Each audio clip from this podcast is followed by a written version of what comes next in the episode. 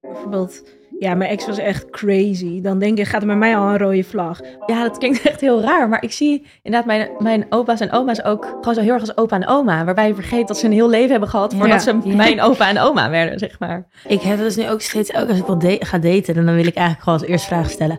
Oké, kan je me alsjeblieft even wat vertellen over je jeugd? Hoe was het van je 0 tot je 10 Heb je fijne ouders? Hoe, waar had je met liefde? Hoe was het? Weet je wel? Hey, dit is de Crushed Podcast. Hierin bespreken Misha en Irina dingen die zij vaak alleen in privésferen delen. Maar fuck dat. Hier praten ze over SOA's, de red flags van anderen en zichzelf en hoe het echt is om met een wereldster te daten. Benieuwd? Blijf dan zeker luisteren. Hey Mich. Hi. Hoe is het?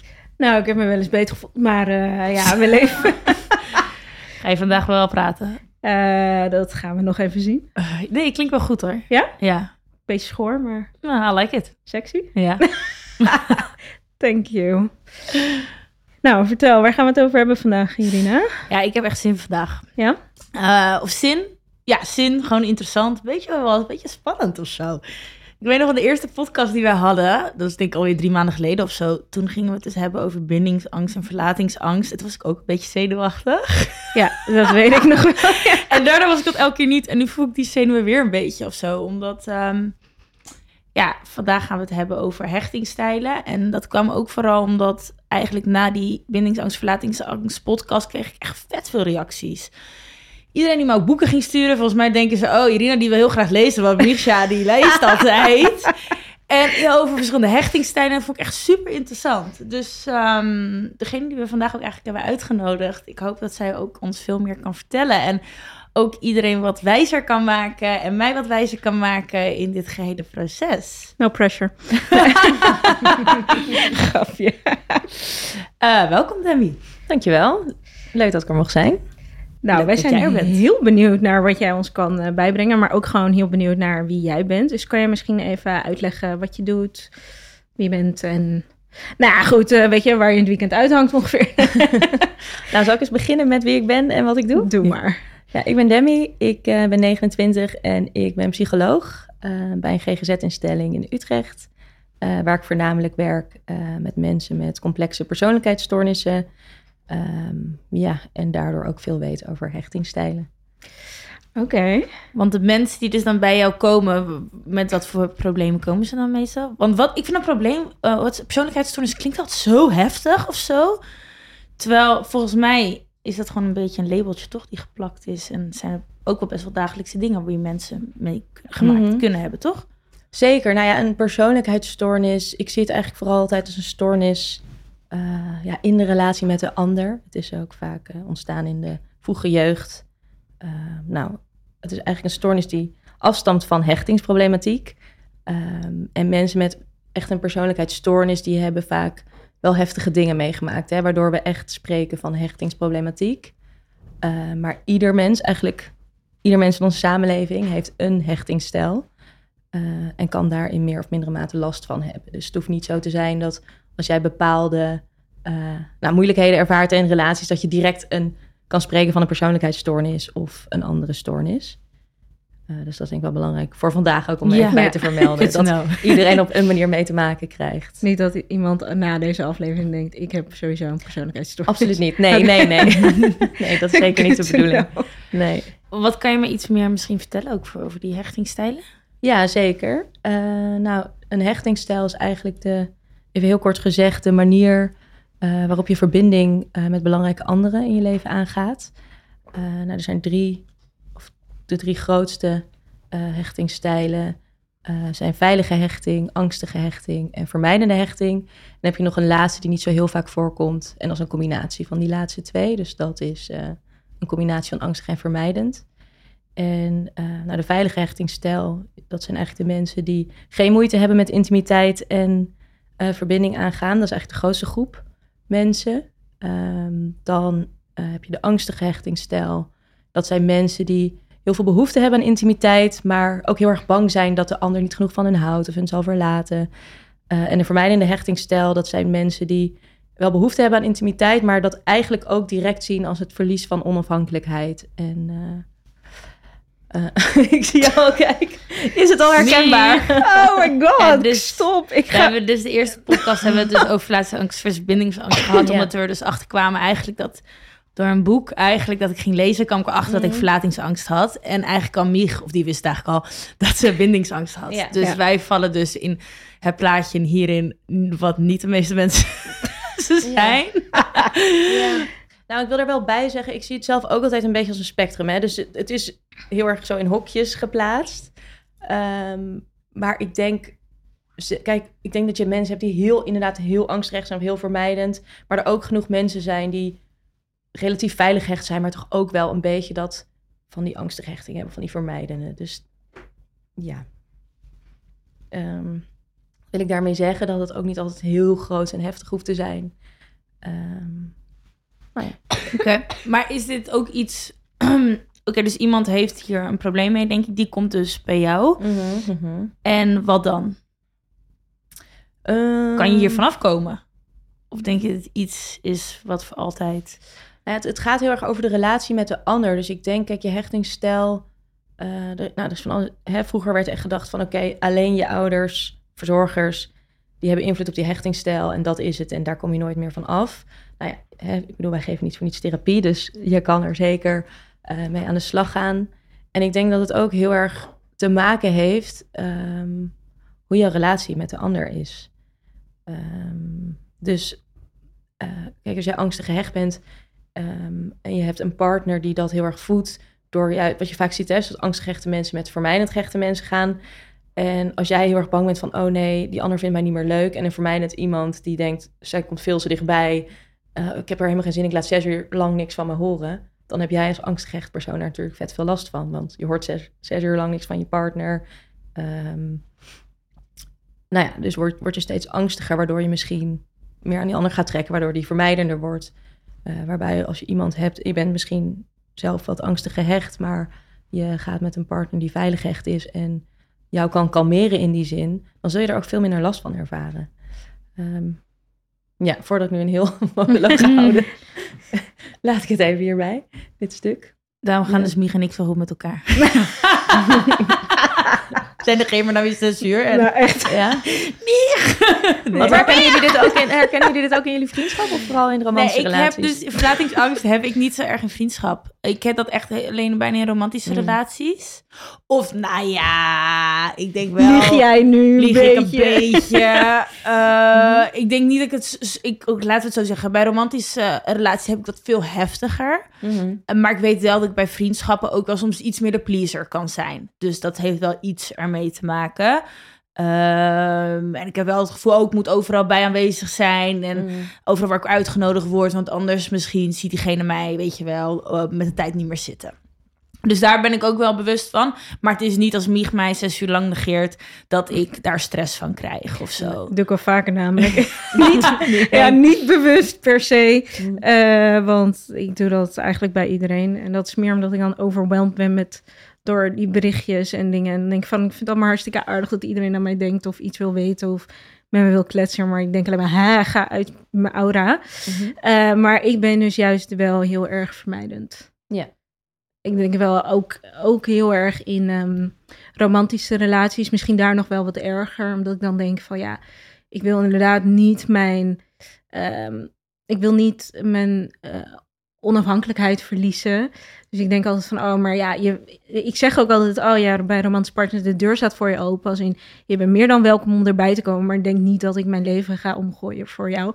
En dat is natuurlijk super gemeen om tegen iemand te zeggen, want ja, dan denk ze ook van, ja, maar hoe belangrijk ben ik dan? Mhm. En dat weet ik, daar ben ik me inmiddels heel bewust van. Dus daarom ben ik ook al heel lang geen relaties aangegaan. Omdat ik denk van, ik moet eerst even fixen wat, waar ik mee zit. In plaats van andere mensen daarmee lastig te vallen.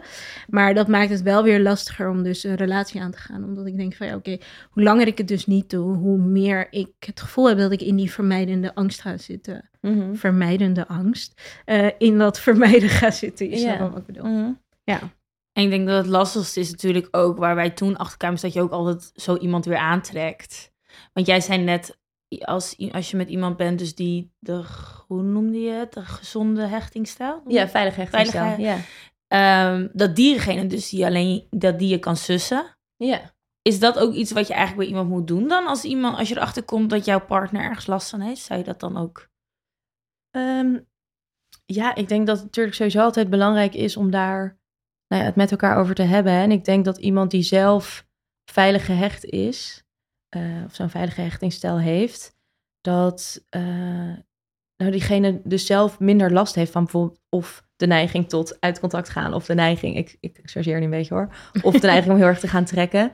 Uh, dus dat diegene misschien wat kalmer blijft, waar die ander dus angstig wordt of gestrest raakt. en er dan misschien makkelijker over kan praten. waarbij denk ik, als je dus een angstig en vermijdend iemand hebt, dat als jij je op een bepaalde manier angstig opstelt, die ander alleen maar meer terugtrekt. Wat dus helemaal niet handig werkt. Dus zou je zelf oh. veilig, oh sorry, oh zou je zelf zeggen dat je een veilige hechtingsstijl hebt? Of? Mm, ik denk dat ik wel wat richting de angstige hechtingsstijl zit. Ja, dus ik herken wel bij mezelf dat ik uh, nou, gericht kan zijn op de ander. Dus dat ik um, nou, bijvoorbeeld heel erg kan afvragen van, vindt iemand mij wel leuk? En dan later denk ja, oké, maar vind ik diegene wel leuk, zeg maar. Dat dat wel het eerste is wat bij me opkomt. Zo heel erg zo, uh, ja, op die ander gericht zijn. Ja. Maakt je werk het moeilijker om, of makkelijker om een bepaald, zeg maar, om dit bij te sturen? Ja, dat denk ik wel, omdat ik me daardoor best wel, ik ben er de hele dag zo'n beetje op aan het reflecteren op de relatie met de ander. Ja. Uh, dus ik, ik merk, ik denk dat ik in die zin best wel zelfbewust ben. Dus dat ik uh, dus me wel angstig kan voelen. Het is um, ja, zo'n hechtingsstel die wordt eigenlijk ook bijna automatisch geactiveerd. Dus als er een situatie is uh, waarin ik angstig zou kunnen raken, dat het soort van, ja, moet ik dat zeggen, een soort ja, oergevoel is, het neemt je gewoon over. Uh, maar omdat ik me er dus bewust van ben, um, ja, kan ik het wel even laten voor wat het is en er niet direct helemaal in meegaan, als het ware. Uh, maar ja, die gevoelens die zijn er. Ja. Maar ben je erachter gekomen dat je daar last van had, ook door je werk? Of merkte je dat misschien al op jonge leeftijd? Mm, nee, ik denk dat ik dat dus in, juist in relaties merkte. Dus, en ik denk dus, ja, in de combinatie met werk dat ik dacht, nee, wacht eens even, volgens mij is dit aan de hand. Ja. Oh ja. Um, maar ik denk inderdaad in romantische relaties dat ik dat heel erg merkte. Dat ik, uh, inderdaad als iemand niet appte, meteen dacht, oh nee, er is iets aan de hand. Of, um, ja, dat is even een duidelijk voorbeeld zitten denken of ik het nog aan andere dingen merkte. Ja, dus inderdaad best wel gericht zijn op de ander. Dus wat wil de ander en wat vindt de ander leuk. En dan een beetje mezelf daarin verliezen. Ja, maar komt dat, want kijk, ik, wat ik me, wat, wat je al eerder zei is van, weet je, kijk, heel veel mensen denken dat hechting alleen voortkomt uit uh, de band met je ouders en zo. Mm -hmm. Ik kan me best wel voorstellen dat daar best wel een groot gedeelte uit voortkomt. Want ik mm -hmm. ben bijvoorbeeld heel erg gedrild op dat al op jonge leeftijd van je moet echt zelfstandig zijn. Dus ik zie mijn moeder ook, die heeft dan meerdere, weet je, of meerdere kinderen. De, ons huis was een soort open huis, dus mijn moeder heeft altijd iedereen in huis genomen, maar wel uh, het grootste gedeelte van haar leven met kinderen als moeder zonder partner. Dus zij heeft altijd tegen mij gezegd, weet je, zorg dat je zelf een boor hebt om je eigen plankjes op te hangen en weet ik veel wat nog meer. Ik denk dat ik daar misschien een klein beetje in ben doorgeslagen. Ja. Um, maar dat is ook omdat ik heb gezien dat mijn moeder gewoon, weet je, zij heeft gewoon echt wel de zaakjes op een rijtje. Dus ik denk van, oké, okay, maar ik heb dus, het is, klinkt zo cliché, zo, I don't need a man. Maar, oh, sorry, maar dat kwam er zo goed uit. Voor deze schore stem, maar je snapt wel wat ik bedoel. Maar, ja. Uh, ja, dus dat ik, uh, dat ik daar een beetje dat, dat, omdat ik dat zo erg heb gezien, dat ik denk van oké, okay, maar dat is precies hoe het hoort. Terwijl als ik dan met mijn moeder spreek, dan zegt ze van ja, maar ik wil zo graag voor jou dat je een partner hebt. Hmm. Denk van dat vind ik super lief van je, maar ik, ja, het gaat toch ook gewoon goed met jou. Ja. Dus komt dat dan wel deels misschien uit wat ik heb gezien, misschien vroeger heb gezien of nu nog steeds zie? Ja. Nou, absoluut. Ik denk de allereerste hechtingsrelatie die je aangaat is met je ouders slash verzorgers. Ik zeg nu even ouders voor het ja. gemak. Um, dus daar begint het.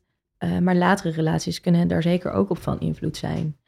Um, nou kun je natuurlijk ook stellen, stel, hè, je, als we nu even vanuit gaan dat jij voor mij net gehecht bent, um, zul je dus ook op een bepaalde manier relaties aangaan die dat misschien juist voeden. Hè? Dus dat, ja, je kent dus mij niet of zo hoor. dus dat, um, ja, uh, hoe moet ik dat nou uitleggen? Kijk, het kan natuurlijk zijn dat jij, uh, ik, ik, geef nu maar even een random voorbeeld hoor, maar heel angstig gehecht bent en op, je ontmoet een partner die veilig gehecht is en die eh, nou, daardoor word je zelf misschien ook wat veiliger gehecht. Of ontwikkel je een wat veiliger hechtingsstijl, omdat je dat heel erg van die partner kan leren. Hè, maar het is natuurlijk ook best wel logisch dat als jij op een bepaalde manier gehecht bent, of een bepaalde hechtingsstijl hebt, dat je daardoor met bepaalde partners gaat die waarschijnlijk die hechtingsstijl, ja, voeden klinkt een beetje gek, Ja. maar in stand houden, om het zo maar te zeggen. Heb je zelf een partner? Op dit moment niet, nee. En merk je dan dat je zelf ook op, elke keer op zoek bent naar een partner die dat dus voelt? Of ben jij nu wel heel bewust van, oh, ik heb een angstige, ik Mhm. weet wat iemand anders, dus ik moet, als ik die red flags zie, ben ik weg, zeg maar. Ja, ik denk het wel. Dus ik denk dat ik mezelf dus nu dusdanig bewust ben van mijn hechtingsstijl, om het zo maar te zeggen, dat eh, ehm, ja, ik inderdaad die dingen wel herken. En eh, in het verleden volgens mij, als ik nu een beetje zo terugdenk, eh, nou vooral partners heb gehad die toch wat meer in het vermijdende spectrum zaten. Ehm, ja, en ik denk sowieso dat je van iedere, re- even ongeacht hè, van hechtingstijden, dat je van voorgaande relaties dingen leert die je in een vol- volgende relatie anders zou willen.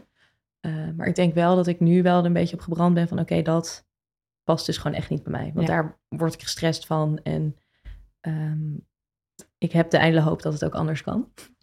Ik heb dat dus nu ook steeds, ook als ik wil da- ga daten, dan wil ik eigenlijk gewoon als eerste vraag stellen. Oké, kun je me alsjeblieft even wat vertellen over je jeugd? Hoe was het van je nul tot je tiende? heb je fijne ouders? Hoe, waar had je met liefde? Hoe was het? Weet je wel? Ik Ja, totaal geen ik wil gewoon meteen date. even afgecheckt hebben welke hechtingstijl jij hebt om te weten of je bij me zou kunnen passen. Ja, Oké, heftig. Ik ga nooit met jou op date, dat weet Maar ik dat wel. doe ik niet, omdat het is veel te heftig om dat te vragen. Maar eigenlijk, hoe herken jij je dan nu? Of nee, wacht. Hoe heeft? herken jij het nu zonder het te vragen? Daar ben ik wel benieuwd naar. Want ergens denk ik wel dat je het er een klein beetje kan aanvoelen in gesprekken, toch? Hoe iemand eh, is als zij zegt van ja, eh, bijvoorbeeld, ja, mijn ex was echt crazy. Dan denk ik, gaat er bij mij al een rode Hmm. vlag. Of ja, ik wil echt niet dat iemand de hele dag bij mij naar mij appt. Dan gaat er eigenlijk Tuurlijk, al een soort van iets op. Heb je iets waarvan je denkt van... Ja, maar ik denk niet dus dat, je, dat ik zoiets zou zeggen. Dus dat iemand niet bij mij het zou... eh, want iemand kan ook juist een beetje een soort muur opdoen... en juist niet tonen wie hij echt is. En als je dan hoort dus misschien dat, eh, dat hij een hele zware jeugd heeft gehad... en er dus op die manier ehm, nog steeds heel erg zelfzoekend is... en kijk, ik bedoel, wat je zegt, iedereen kan het doorbreken. Maar als hij dan zegt van... eh, Ehm, ja, ik, ik heb daar nul, nooit hulp voor nodig gehad, want ik kan het wel zelf. En op die manier dan denk ik, oké, wacht even, red flag. Dat is voor mij. Fair enough. Ik geloof niet dat je het in je eentje kan. Iedereen heeft iemand nodig. Om alleen al die spiegel te laten zien. Ik Hoe ga een tegeltje maken, weet je nog? Want wat is zijn volgens jou de red flags dan? Ehm, ehm, nou, ik moet gelijk, ik weet niet of je die, eh, hoe heet dat nou? Je hebt zo'n Instagram. En het plaatje is ook daadwerkelijk Oh, zo'n red flag. Ja, ja, weet een grote speler of zo. Ja, Ja. ja. Daar staan wel wat goede red flags op. Nou ja, ik denk als iemand voor mij in ieder geval direct benoemt ehm, van ik wil absoluut geen relatie. En ik denk, kijk, als je met iemand gaat daten, ehm, hoef ik ook echt niet dat je vanaf dag één zegt, wij gaan trouwen. Ehm, maar ik denk als iemand zo heel erg benoemt van ik wil geen relatie, dat voelt voor mij altijd een beetje eh, om zoiets, ja, als zoiets om later op terug te grijpen, weet je wel? Zo van, ik heb, ik heb al gezegd dat ik geen relatie wilde. Dus als je dan zo een beetje met elkaar voortdate en dan elkaar toch leuk gaat vinden, of ik of hij, nou goed. En dan kan zeggen, ja, maar ik had al vanaf dag één gezegd dat ik niet op zoek ben naar een relatie. Dan denk ik, ja, god, ik weet ook niet of ik een relatie met jou wil.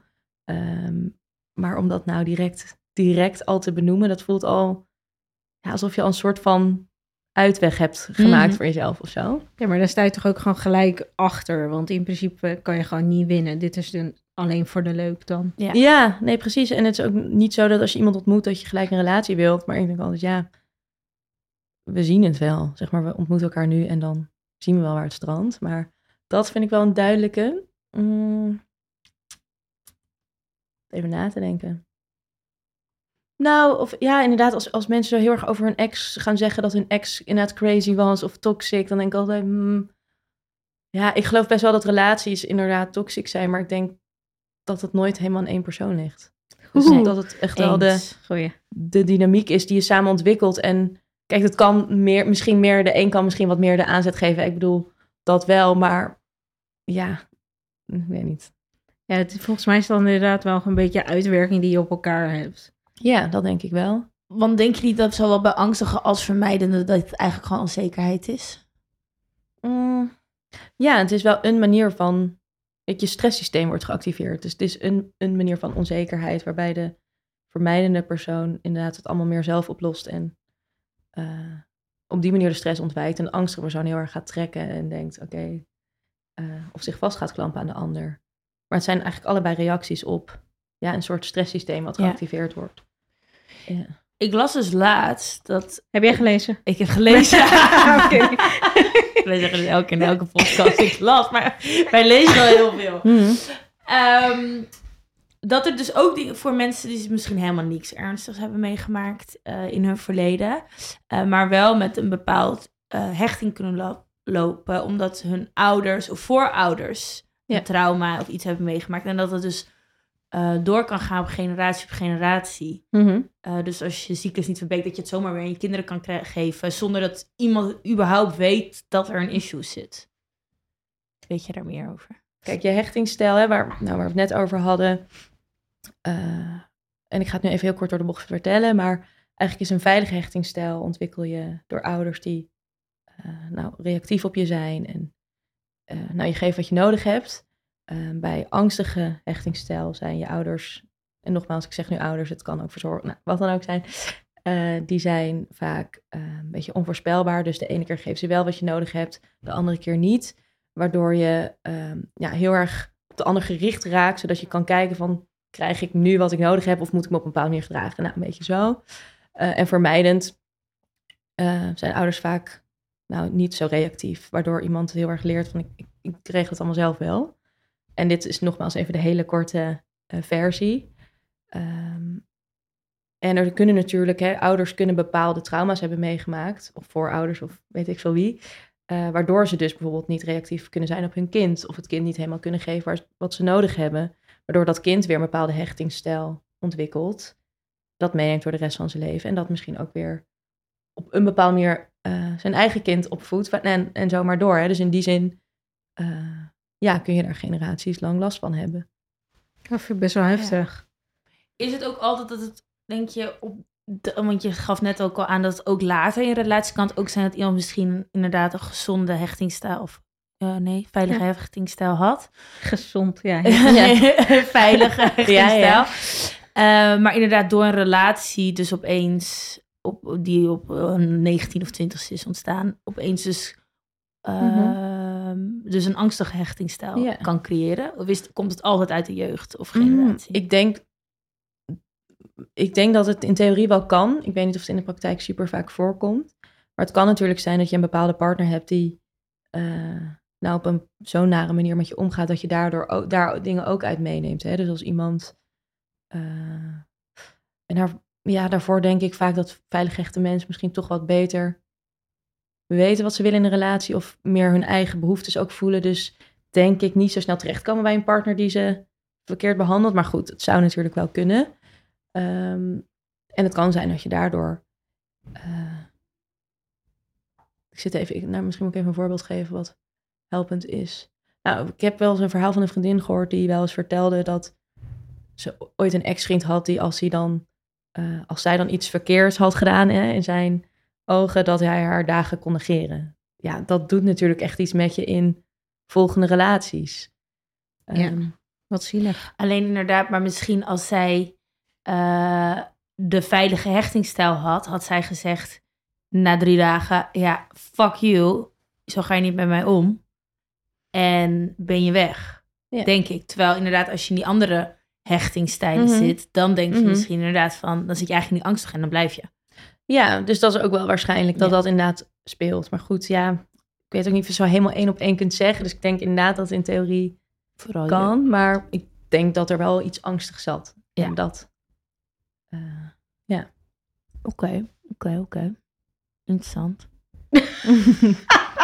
Ja, ik zit echt zo te denken. Nee, omdat... Oké, nu ga ik weer even... Ik ga mijn hak op de tak. Maar ik vond het gewoon ook... Omdat hiervoor hadden we natuurlijk over dat generatiestukje. En dat vind ik dus het sikke. Ik heb dus dit nooit aan mijn ouders gevraagd. Dus toen ik hoorde over die generatiedingen... dacht ik, eigenlijk best wel sick. Ik weet Mhm. eigenlijk helemaal niet... wat mijn opa of oma heeft meegemaakt. Ik weet misschien net wat voor baan ze hebben gedaan... hoe oud ze Mhm. waren, waar ze zijn geboren. Maar that's it. Weten jullie überhaupt wat jullie opa of oma deden... en alle hoe ze hebben geleefd? Ehm, ja, ik wel, maar dat is wel omdat ik het onlangs heb uitgezocht, omdat ik nooit wist wie mijn opa was van mijn vaders kant. Dus ehm, nou, mijn, mijn vader, zeg maar, was een nakomeling. Mijn oma is 99 geworden en die is ook al, nou, laten we zeggen, goede 13 jaar geleden overleden. Dus omdat ik niet wist wie, eh, wie hij was, ben ik dat gaan uitzoeken samen met mijn zusje. En toen ben ik er inderdaad wel achter gekomen wie hij was en wie mijn eh overgrootopa was, et cetera. En met diezelfde reden, omdat ik dat van mijn oma, omdat ze natuurlijk al was overleden, heb ik het aan haar dochters gevraagd. Mijn vader leeft ook niet meer, dus ik kon het ook niet aan hem vragen. Maar heb ik het aan, mijn, eh, aan, aan haar dochters gevraagd eh, wie mijn oma was. Dus zo ben ik er een beetje achter gekomen wat ze vroeger deed voor werk en dat soort dingen. En ehm, aan de kant van mijn moeder heb ik het ook. Ik ben onlangs naar Curaçao gegaan en daar heb ik mijn oma gewoon heel veel dingen gevraagd. Van wat was je eerste baantje? Dat soort dingen. Ik dacht ineens, ik ken deze vrouw helemaal niet. Dat vond ik zo bizar, omdat zij, was, zij is iemand die, ze, ze leeft nog steeds, dus zij is iemand die best wel ehm, belangrijk is in mijn leven ge- geweest altijd, weet je wel. En denk van, maar ik weet helemaal niet wie jij bent, behalve dat je mijn oma bent en de moeder van mijn moeder. Dus ja, zo ben ik erachter gekomen. Maar dat is wel omdat ik zelf ben gaan zoeken, niet omdat iemand mij dit heeft verteld. En ben je daar ergens toen achter gekomen? Over jezelf, waar je misschien bepaalde gevoelens. Nou ja, ik. ehm, ja, ik kwam er wel achter dat bijvoorbeeld mijn. Sorry, heel schoor even. één seconde. dat mijn. eh, nou, dit is niet beter. Oké, sorry. Ehm, dat mijn. eh, nou. Weet je, ik ga gewoon stoppen met praten. Nee, het valt wel mee. De meeste mannen zeggen altijd als ik een beetje schoor ben... Oh, dan heb jij een geile stem. Ja, houd Dus toch nu- op. Echt, jongen. Oh, morgen kan ik niet meer praten, is oké. Eh, ja, ik kwam er dus achter dat bijvoorbeeld mijn oma, die, ehm, waar mijn moeder haar zelfstandigheid vandaan heeft, dat heeft mijn oma ook van haar moeder. Dus het is zeg maar, het gaat al vier generaties door. Mhm. Als in, klopt dat? Mijn, ja, ik ben de vierde generatie die dit heeft. En ehm, en mijn zusje heeft dat, ik heb dan een jonger zusje en die heeft twee kinderen. En die heeft dat natuurlijk ook eh, meegekregen. Maar die probeert dat dus wel te verbreken met haar kinderen. Door op een andere manier met ze te communiceren en zo. En denk van ja, hartstikke mooi. Kijk, ik heb geen kinderen, dus ik kan daar niet over meepraten. Maar ik denk wel van, oh ja, dus dit komt wel ergens vandaan. Het is niet dat mijn moeder dacht van, oh ja, maar ik moet ineens super zelfstandig zijn om whatever reden. Dat, dat gaat al heel lang zo door. En misschien dat mijn oma, overgrootoma, het weer van haar moeder heeft meegekregen, weet je wel. Dus het zit gewoon een beetje in mijn DNA. En jij? Nou, ik denk niet, niet op de manier waarop jij het eh, weet. Dus ik heb van mijn ouders dan wel eens gehoord hoe zij zijn opgegroeid. Daar wel eens verhalen over gehoord, maar ik heb het er eigenlijk nooit met mijn opa en oma zelf over gehad. Dus nu jij dit zo zegt, denk ik, ik heb nog één opa en één oma. Dat is best wel leuk om het daar eens over te hebben. Ja, maar ik vond oprecht wel, afgezien van dat ik dacht van, oh ja, interessant. Vond het ook wel gewoon leuk om te horen van, oh ja, wat was je eerste baantje? Wie was je voor het eerst verliefd? Ja. En eh, waar heb je, weet ik veel, wie was je beste vriendin toen? En zo, dat zijn gewoon dingen... En ik merk, wat ik merkte vooral aan mijn oma is dat zij het heel leuk vond om daarover te praten. Ja. Leuk om haar eigen herinneringen op te halen. Dus ik weet niet, ehm, mocht je wat lijken, ik zou het zeker een keer doen. Ja. Want ja, kijk, uiteindelijk zijn het mensen die natuurlijk ook deels hebben gevormd wie jij bent. Eh, in hoeverre dat, nou ja, goed, moet je maar even zelf weten hoe, in hoeverre je dat wilt dat dat zo is. Maar ehm, ja, ik denk wel gewoon, het is natuurlijk wel interessant om te weten. Het voelt altijd zo gek om te zeggen van ja, maar ken die persoon helemaal niet. Want van vriendinnen willen we altijd alles weten. Eh, maar zodra er één generatie tussen zit, dan is ineens die verbinding een beetje weg of zo. Ja, ik vind het wel grappig dat je dat zegt. Want inderdaad, ik vind het, mijn opa en oma, vooral mijn oma, vertelt wel eens verhalen over vroeger. Dat vind ik dan ook vet leuk om te horen. Maar het is, ja, dat klinkt echt heel raar. Maar ik zie inderdaad mijn, mijn opa's en oma's ook gewoon zo heel erg als opa en oma. Waarbij je vergeet dat ze een heel leven hebben gehad voordat Ja. ze Ja. mijn opa en oma werden, zeg maar. Ja, echt, hè, hoe durf je? Die leeftijd, die heeft juist nou, in ieder geval mijn opa heeft bijvoorbeeld Tweede Wereldoorlog meegemaakt. Hoe Mhm. heftig was dat, weet je wel? Hoe heeft dat je wel niet Hmm. gevormd door persoon wie je bent en hoe je inderdaad je kinderen weer hebt opgevoed? En ik heb ook heel erg... Vroeger was dat al... Ja, maar mijn mama zegt dat, dus dat klopt.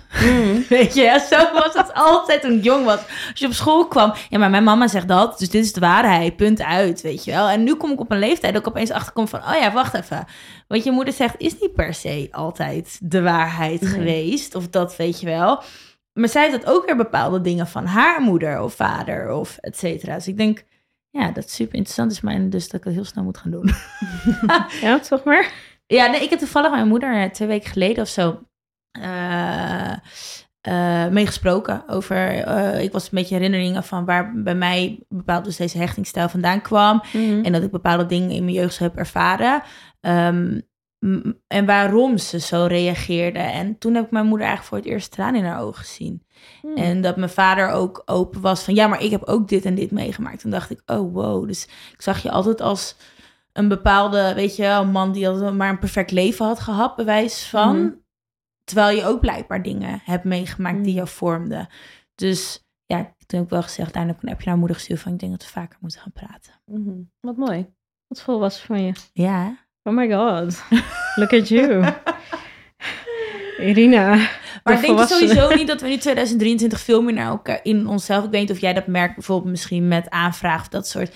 Dat veel meer mensen een betere versie van zichzelf willen worden. Ik denk dat COVID er daarmee heeft in meegespeeld. Dat steeds meer mensen dus ja, in zichzelf gaan. Wie ben ik nou echt, et cetera. Terwijl dat Mhm. vroeger veel meer minder was, denk ik, Ja. of zo. Nou, ik denk, ik weet niet mm, of dat, mm, wat er nou per se aan de grondslag ligt hoor. Maar je ziet nu natuurlijk ook veel meer. Nou, je hebt sowieso veel meer social media. En je ziet steeds meer ook van die bewegingen dat mensen het over hun mentale gezondheid hebben. Waar dat denk ik eerst. En ik denk dat het misschien soms nog steeds een beetje taboe is. Maar ik denk dat dat eerst veel, een veel groter taboe was. Waar nu veel meer mensen daar open over praten. Denk ook veel meer mensen eh, in geïnteresseerd zijn. Ehm, en inderdaad misschien ook wel veel nieuwsgieriger naar... hey, wat maakt mij nou tot wie ik ben? En ehm, ja, hoe heb ik mij ontwikkeld? En dat dat ook inderdaad iets is van deze tijd. En ja, wat er nou precies aan vooraf ging, weet ik ook niet. Maar Ik denk natuurlijk ook wel dat juist door social media meer mensen depressieklachten hebben. Dus Ja, ik denk eerder dat mensen zichzelf gaan diagnosticeren Ja, met... Oh ja, maar ik heb dit, ook. ja, iemand anders die depressief, de, de, depressief is. Zo, kom je even lekker niet uit je woorden. Ehm, die heeft hier last van, dus dan heb ik dat ook. Terwijl dat is natuurlijk niet Nee. Altijd per se eh, nee, het dat vind ik alweer ook wel een beetje de keerzijde hoor. Ik weet niet of je dat zelf ook wel ziet, maar ik zie ook wel eens van die TikToks van mensen die dan elkaar gaan diagnosticeren met ADHD of autisme of zo. En denk ik, oh nee, ja, dat moet je dus echt niet doen. Ja, je laten veel. diagnosticeren door social media. En maar het kan aan de andere kant ook weer helpend zijn dat je, eh, als je bijvoorbeeld met bepaalde dingen loopt en niet zo goed snapt wat, wat er aan de hand is, kan het ook fijn zijn om nou, die herkenning te vinden bij anderen. Zolang je Ja. maar wegblijft bij diagnose, denk ik. Ja, en als je, iem- maar wat zou je doen? Dus stel je voor, ik zie dus op eh, social media zie ik iets en ik herken dat bij eh Misha of bij mijn partner. Zou je dat dan ter sprake moeten brengen? Van hoe zou je dat dan überhaupt doen? Is dat. Snap je waar ik heen wil? Ehm, Snap jij waar je ja, ik denk dat ik snap wat je bedoelt. Dus dat jij bijvoorbeeld, als we dan maar even teruggrijpen op hechtingstijl, dat je Ja, bijvoorbeeld een bepaalde gedraging ziet en denkt, hey, volgens mij reageer jij op deze manier vanuit jouw hechtingstijl. En of je dat dan ter sprake brengt. Ja. Ja, ik denk dat dat heel helpend is. Omdat je dan veel meer het hebt over de kern van het probleem dan een beetje op de oppervlakte gaat kibbelen over, eh, weet ik veel, jij laat steeds weer niks van je horen en ik eh, word er angstig van of zo. Hè? Maar dat je veel meer kijkt van, wat gebeurt hier nou? want denk je dat je dan ook iemand kan bijstaan in dat proces? Of denk je dat je gewoon heel snel weg moet zijn? Onaardig. Ja, nee, maar het is toch zo. Want als een partner, dus als ik dus de angstige heb en hij heeft dus de vermijdende. Ja. Ja. dan, en dan moet ik, kan ik denken, ook moet weg, want dit Ja. werkt niet. Of kan je denk je dan alle twee... Ja, maar het hoeft toch niet per definitie niet te werken, omdat je... Ja, nou, ik heb dus voor mij ben ik erachter gekomen dus dat er iemand met een vermijding, dat dat gewoon niet werkt binnen een relatie met mij. Maar, ligt kan dat ik- niet ook deels aan de persoon? Nou, ik denk, kijk, ik denk dat het. ehm, ja, het klinkt heel zwart-wit om te zeggen dat werkt per definitie niet, maar ik denk dat het heel hard werken is. Waarbij je, denk ik, er ook allebei voor open moet staan. Dus dat je, als je allebei zegt van oké, eh, dit is mijn herstel, dit is die van mij. We zien de patronen en we willen daar iets mee. Dan is dat natuurlijk mogelijk. Ehm, ja, Maar dan moet je dus wel echt, echt, echt willen. Want en anders- ook beide, dus daar ook beide op willen reflecteren en daar. En dat ja, kost denk ik wel tijd en moeite. Dus ik kan me voorstellen dat er, hè, als jij zegt, goh, ik herken echt die angstige hechtingstijl bij mezelf. En je herkent al vrij vroeg in de relatie dat iemand anders een vermijdende hechtingstijl heeft. Dan denk ik dat, het, dat er iemand is die beter bij je past. Of wat, waar in ieder geval het mee Ja. makkelijker mee zou gaan. Ehm, ja. Fair enough. Wat hebben we geleerd vandaag, Irina? Moet nooit met iemand zoals jij gaan. dat is duidelijk. Wegwezen! Ja. Run! Nou, dat deze vriendschap nog werkt is ook echt een wonder. En is, is maar is dat denk je ook in iemands vriendschappen? Dat dat niet zou kunnen. Want ik heb inderdaad heel veel vriendinnen die een vermijdende hechtingsstijl hebben. Mhm. Eh, meer dan, denk ik, een gezonde of een, sorry, een veilige. Ik heb helemaal niet gezonde. Ja. Ehm, ik heb ook nog die, hoe heet dat, gezonde kind. Daar ben ik de hele tijd, denk ik. Nee, Ja. dat term heb je. Oké, eh, de je veilige hechtingsstijl of angstige hechtingstijl. Dus dat gaat qua vriendschap dus blijkbaar toch wel oké. Ja. ja, ik denk dat je in een vriendschap natuurlijk op een iets ander level met elkaar eh, omgaat. Dus dat je, nou je zei net, volgens mij in het begin zei je zelf ook al wel van ik herken wel wat meer de pleaser te zijn in een vriendschap. Dus dat is dan misschien iets waar je het in tegenkomt. Eh, maar je gaat, ja, wat ik zei, je gaat op een heel ander level een relatie aan. Dus Kan het ook zijn dat je in een vriendschap misschien een vermijdende bent en in een, in een relatie een angstige? Of ben je als je een angstige hebt altijd de angstige? Ehm, ja, in principe wel. Maar ja, net zoals ik zei, het is ook niet zo. Kijk, het, is, het wordt heel erg gepresenteerd in hokjes. En ik denk wel dat sommige dingen wel op je van toepassing zullen zijn en andere echt wel wat minder. Nou goed, eh, ik ga weer in therapie. Ehm, nee, ik meen het. Ik heb me vandaag ingeschreven. Ja, en dan, hallo, mag ik even trots. zeggen dat ik daar echt heel trots op ben? Nou, ik Want ook. ik vind ook dat therapie... eh, Hmm. Nou ja, ik zit ook in therapie. High five. Ehm, en ik denk juist dat de mensen die dat niet doen... eh, en dat wel nodig hebben, dat dat juist een soort zwakte juist is. En ik denk de mensen die kiezen voor je therapie... dat dat juist een hele sterke eerste stap is. En dat je ook hartstikke trots op jezelf mag zijn... als je die stap maakt. Ja, ik heb er echt zo geen zin in. Ik heb echt al oprecht 12 jaar therapie gedaan. Maar goed, weet je, here we go again. Eh, ja, ik kan er alleen maar van leren. Ik, wil- ik had gewoon het idee van, zeker ook eh, eh, omdat we het hier natuurlijk heel veel hebben over relaties en zo. Ik merk dat ik gewoon tegen dezelfde dingen aan blijf Mhm. lopen. Waaronder dus die soort hyper zelfstandigheid. Ik denk, ja, maar ik kan dit niet in mijn eentje oplossen. Dus misschien kan iemand anders uitvogelen waar het vandaan komt. Afgezien van deels van mijn moeder. Want ik denk dat daar iets meer onder ligt. Dus eh, als ik meer weet, dan eh, ga ik het hier hartstikke gezellig met jullie delen. Maar ehm, tot De die podcast. tijd, eh, ja, weet ik veel. Het is de GGZ, dus het kan ook dat ik pas over zes maanden terecht kan. Nou, ik was twee jaar. nou, ja, precies. Eh, nou, tot Maar die tijd. we kunnen de podcast gaan veranderen. De weg van Irina en Misha naar gezonde relaties. Oh my god, kan niet wachten. Eh, wordt eh, dikke tranen en eh, heel veel ehm, ja, grapjes om maar af te Dus leiden. soms even die beschermer even Ja, op te precies. zetten en grapjes te gooien. Zoals nu, precies. Oké, nou, Demi, dankjewel. Ik ben echt heel veel wijzer geworden. Ik hoop dat je het leuk vond. Ja, ik vond het heel leuk. Gelukkig. Irina? Ja, ik ga dus vanavond weer de hele tijd overdenken. Hè. Ga ik alles gewoon... Ik hoop dat Louis heel snel deze podcast nastuurt. En dan ga ik het de hele tijd naluisteren. Omdat ik het super interessant vind. En ik denk ook hoe vaker je het luistert... en hoe meer je gaat nadenken en dingen gaat snappen of zo. Nou, Thanks. Thanks, was. babes. Oké, bye.